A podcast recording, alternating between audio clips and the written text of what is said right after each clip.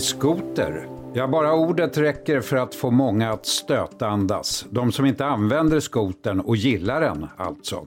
Om man dessutom säger vattenskoter i fågelskyddsområde är det lätt att ana ännu starkare reaktioner bland motståndarna. Ja, den varma sommaren fortsätter den här veckan också. Studio DN idag om ett älskat och avskytt fenomen. Jag heter Lasse Bengtsson.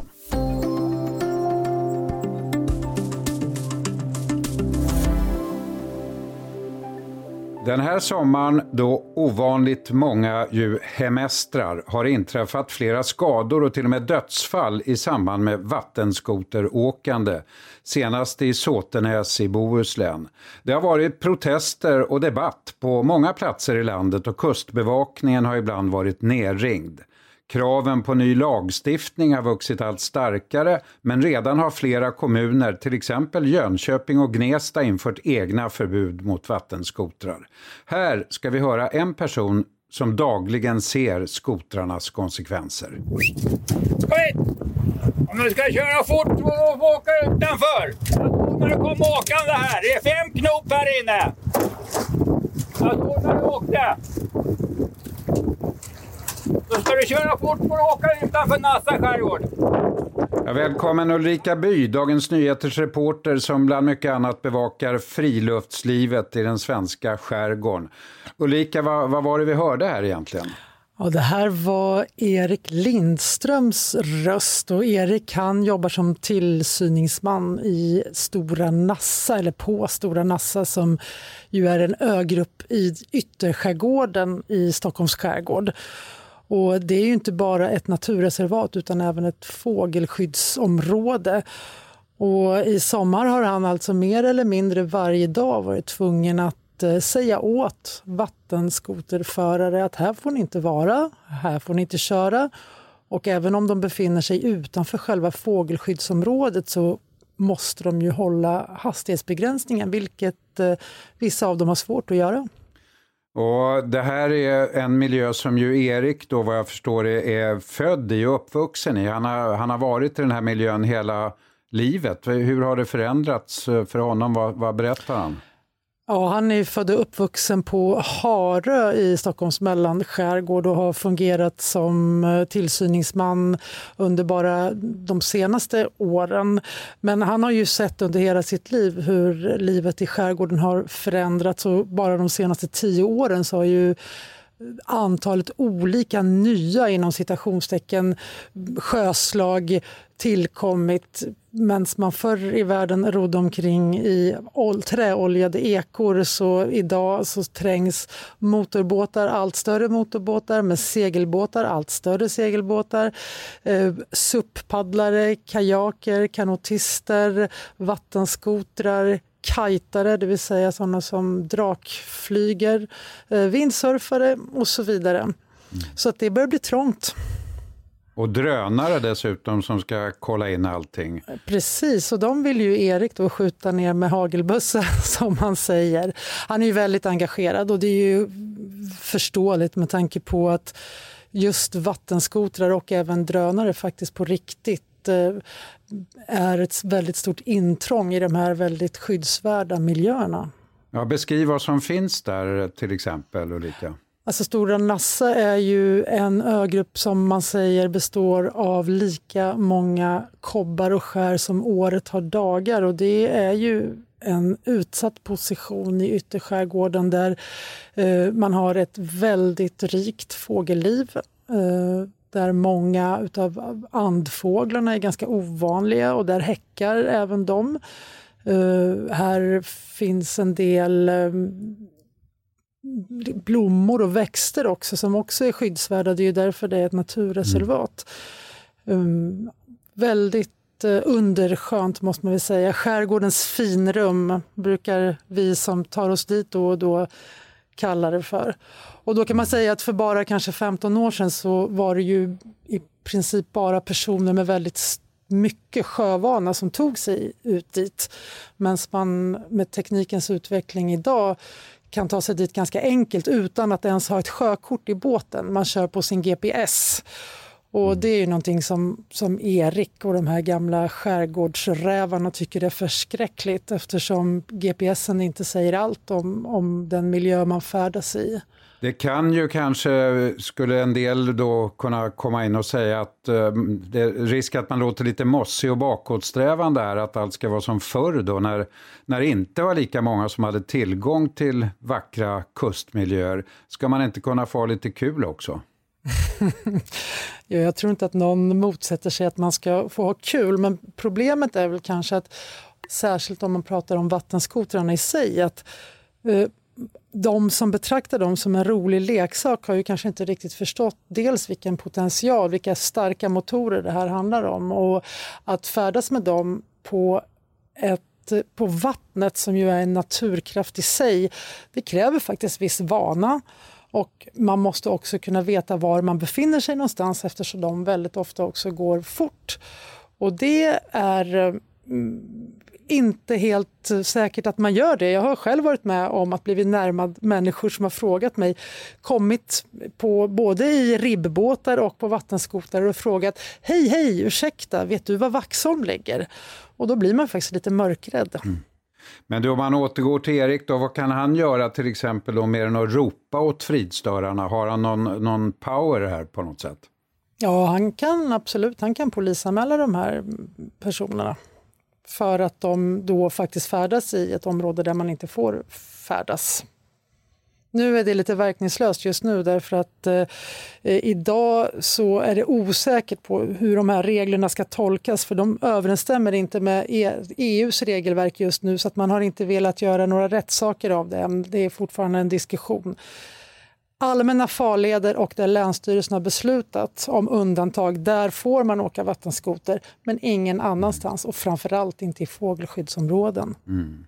Äh, det kan ju låta självklart egentligen. När vi kommer tillbaka ska vi tala mer om vad som kan väntas framöver vad gäller vattenskotrar och båttvätt och annat.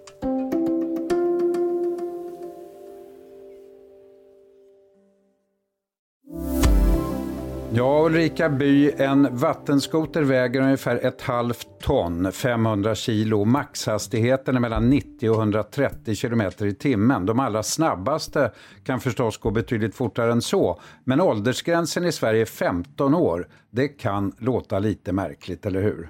Ja, det är många som uppfattar det som det och det är väl inte mm, så svårt att tycka att det är konstigt. Och speciellt eftersom det också är då en miljö där vattnet rör på sig, det är fullt av svallvågor, det finns grynnor. Ja, det är ju som vilken hårt trafikerad mm, väg som helst så att säga, där det normalt sett då krävs körkort till exempel. Och det är väl det man nu vill utreda. Om det inte är så att vi liksom i Danmark ska kräva ett förarbevis för de här fordonen. Jag ser i statistiken här att eh, sedan 2011 åtminstone åtta personer dött på vattenskoter. Alla män, mer än 50 har skadats. Vid några tillfällen har skotern vält och den som omkom hade varken flytväst eller torrdräkt. Och så har det också handlat om rena kollisioner och dödliga skador och i något fall om en som körde in i en vajer från en färja. Kommentar till det från dig? Alltså jag tror att det är ett välkänt fenomen att eh, män i, i de här miljöerna väldigt ofta överskattar sin körförmåga. Eh, och det är ju deppigt att det är så. Det finns säkert kvinnor som överskattar sin körförmåga också men det är, ja, det är ju tragiskt och tråkigt att man inte liksom inser att det här inte är just en rolig leksak utan faktiskt en fartmaskin med väldigt stora krafter. Och många kör dessutom in i områden där det finns badande och ofta små barn. Och, och det är ju många eh, kajakpaddlare och kanotister som är ute. Jag var själv ute och paddlade eh, runt i Stockholm nyligen och då känner man verkligen av det här. För det är ju inte alla som har koll. Kajakklubbarna i Stockholm de vill nu ha in dokumentation ser jag. Till exempel när kajakpaddlare har blivit omringade till och med och påkörda av, av vattenskoterförare. Ja, alltså jag vet inte om det kan ha att göra med att, att man, eh, man inte inser att att framföra en vattenskoter innebär ju att man är en sjötrafikant och då, måste man ju, då har man ju skyldighet att känna till vilka sjövägsregler som gäller. Men man har också givetvis skyldighet att både visa hänsyn både till natur och till andra människor och till andra eh, fordon på vattnet så att säga. Och att man liksom måste ta ansvar för säkerheten är ju självklart men det är som att det i vissa kretsar då inte existerar. Mm. Och jag vet inte om det har att göra med att människor som skaffar sig vattenskoter inte har någon sjövana från början. Det är kanske en annan kategori av människor. Det kan vara en fördom, men det finns starka misstankar om att det är så. Det har alltså, som vi sa, införts förbud på en del platser redan i Sverige mot vattenskoteråkning. Eh, nu väntar alltså troligen också ny lagstiftning. Så här sa infrastrukturminister Eneroth nyligen. Jag vill ha mer ordning och reda på sjön. Det får faktiskt vara slutlek nu. Den viktigaste signalen med 15-årsgränsen har varit att föräldrar har förstått att man kanske inte ska låta en 12-åring köra en vattenskoter med betydande motorkapacitet. Och det här var alltså någonting som eventuellt skulle då kunna införas 1 eh, oktober redan. Vad tror du att det kan innebära, Ulrika?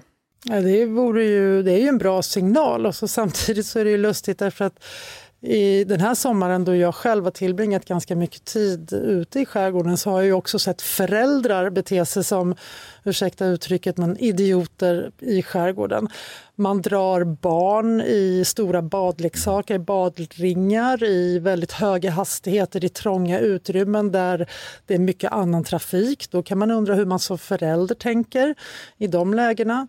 Eh, man kan se liksom vuxna människor köra båtar på ett sätt som inte heller är ett speciellt eh, hänsynstagande gentemot sin omgivning. Eh, mycket svall och annat. Och det är ju obegripligt att det här med badringsleken, hur man inte inser hur farligt det kan vara, speciellt i, i liksom hårt trafikerade områden. Mm. Då blir man verkligen mörkrädd faktiskt. Och sjöräddningen har haft ovanligt mycket att göra. Ja, det också förstås. Mm. Och bara det här med liksom flytväst och annan skyddsutrustning som till exempel så rekommenderas det ju att man använder sig av hjälm när man åker vattenskoter. Det är ju väldigt få, som jag har sett i alla fall, som har det. Sen om man nu ska fortsätta på, på den här kanske lite gnälliga linjen så det är ju inte bara Eh, deras framfart utan det är ju även det ljud de faktiskt eh, producerar. Eh, det är ju störande för omgivningen, det går inte att komma ifrån. Inte minst i känsliga miljöer. Vad tror du om allmän utbildning? Finns det något sånt som skulle vara vettigt här? En uppmaning till att folk lär sig mer om, om sjön och sjövett? Jag tänker att alla som vill njuta av skärgården och, och liksom hav och vatten måste ju börja den relationen med att ha någon typ av respekt för det element de närmar sig. Och det är ju jätteviktigt oavsett vad man tänker göra eh, på sjön. Och det är klart att inför man ett krav på förarbevis då, då kommer ju det finnas med i den utbildningen och det är ett jättebra steg framåt både för vanliga människors säkerhet och för, för, eh, för den vattenskoteråkaren själv. Medan den varma sommaren alltså fortsätter åtminstone någon vecka till. Tack så mycket Ulrika By. För ljudillustrationerna stod Lotta Herdelin och SVT idag. Studio DN görs av producent Sabina Marmelakai, exekutiv producent Augustin Erba, ljudtekniker Patrik Miesenberger och teknik Jonas Lindskog Bauer Media. Jag heter Lasse Bengtsson. Vi hörs.